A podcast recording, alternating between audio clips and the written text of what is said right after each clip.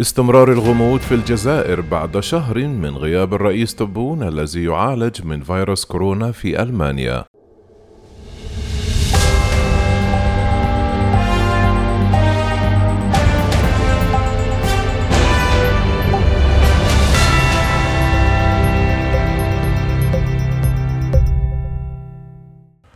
لا يزال الغموض مستمرا بعد أربع أسابيع من غياب الرئيس الجزائري عبد المجيد تبون الذي نقل بشكل طارئ إلى ألمانيا للعلاج من فيروس كورونا وكانت الرئاسة الجزائرية قد أعلنت عن نقل تبون إلى ألمانيا لإجراء فحوص طبية معمقة بناء على توصية الطاقم الطبي. وأعاد غياب الرئيس الجزائري إلى أذهان عدد هام من الجزائريين ووسائل الإعلام شغور السلطة في البلاد خلال فترة دخول الرئيس الأسبق عبد العزيز بوتفليقة المستشفى إثر إصابته بجلطة دماغية في عام 2013 كما أن السياسة الإعلامية الرسمية وغياب صور الرئيس الجزائري غزت الشائعات والتكهنات بشأن وضع تبون الصحي. بعد شهر من نقل عبد المجيد تبون بشكل طارئ إلى ألمانيا للعلاج من فيروس كورونا المستجد ما زال الغموض يلف الحالة الصحية للرئيس الجزائري ما يغذي شائعات وتساؤلات حول مسار هذا البلد المغاربي. في بيان صدر في الرابع والعشرين من تشرين الأول أكتوبر المنصرم اكتفت الرئاسة الجزائرية بالإعلان بأن تبون دخلت طوعيا في حجر لخمسة أيام عقب الاشتباه في إصابة مسؤولين كبار في الرئاسة والحكومة بفيروس كورونا المستجد. وفي الثامن والعشرون من تشرين الأول أكتوبر أشارت الرئاسة إلى أنه نقل إلى ألمانيا لإجراء فحوصات طبية معمقة بناء على توصية الطاقم الطبي. واعتبر الباحث السياسي محمد هناد أن هذا الغياب الطويل بسبب المرض وبروتوكولات الإعلام ذات اللغة الخشبية يشيران إلى أن الرئيس مريض فعلا.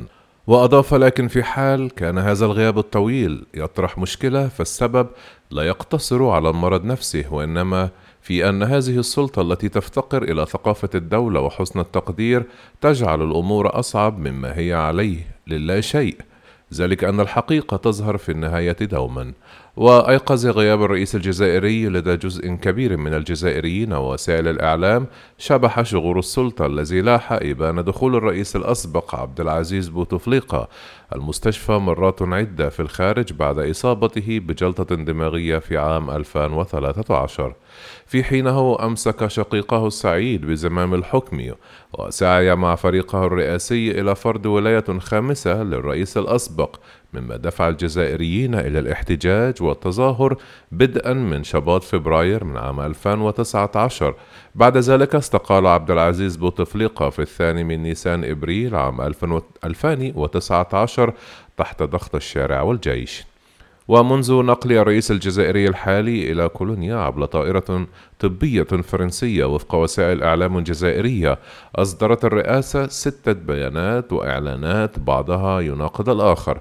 فبعد البيان الأول في الثامن والعشرون من تشرين الأول أكتوبر أعلنت الرئاسة في اليوم التالي أن الرئيس تبون باشر تلقي العلاج المناسب وحالته الصحية مستقرة ولا تدعو للقلق من دون أن توضح سبب مرض الرجل المعروف بأنه مدخن نهم. وانتظر الجزائريون حتى الثالث من تشرين الثاني نوفمبر لمعرفة أن تبون أصيب بوباء كوفيد 19 وبعد خمسة أيام أشارت الرئاسة إلى أنه بصدد إتمام بروتوكول العلاج ووضعه في تحسن إيجابي. ثم في الخامس عشر من تشرين الثاني نوفمبر أوضح بيان آخر أنه أنهى العلاج وأنه يقوم حاليا بالفحوصات الطبية. يسود الصمت مزاد باستثناء خبر نشرته وكالة الأنباء الجزائرية الرسمية. يفيد بأن الرئيس عبد المجيد تبون تلقى رسالة من المستشارة الألمانية أنجيلا ميركل عبرت له فيها عن سعادتها لتماثله للشفاء بعد إصابته بفيروس كورونا. وكان متحدث باسم الحكومة الألمانية أجاب وكالة الأنباء الفرنسية بأن المستشارة الألمانية بعثت رسالة مكتوبة تتمنى فيها الشفاء العاجل للرئيس الجزائري من دون إعطاء تفاصيل إضافية. هذه السياسة الإعلامية وغياب الصور للرئيس الجزائري أثارت شتى أنواع الشائعات والتكهنات في البلاد التي تعاني من تصدع حاد في تفشي وباء كورونا. ويدفع هذا الغموض حول صحة الرئيس تبون الذي يفترض به إصدار الدستور الجديد عقب الاستفتاء الذي جرى في الأول من تشرين الثاني نوفمبر والمصادقة على موازنة عام 2021 بالبعض إلى المطالبة بتطبيق المادة 102 من الدستور الخاصة بإعلان الشغور في منصب الرئاسة بغية تجنب أزمة دستورية.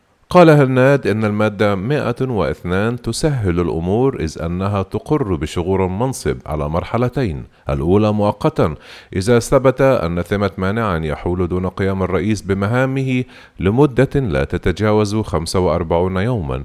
والثانية يعلن من خلالها الشغور بالاستقالة إذا ما تجاوز المانع هذه المدة الزمنية.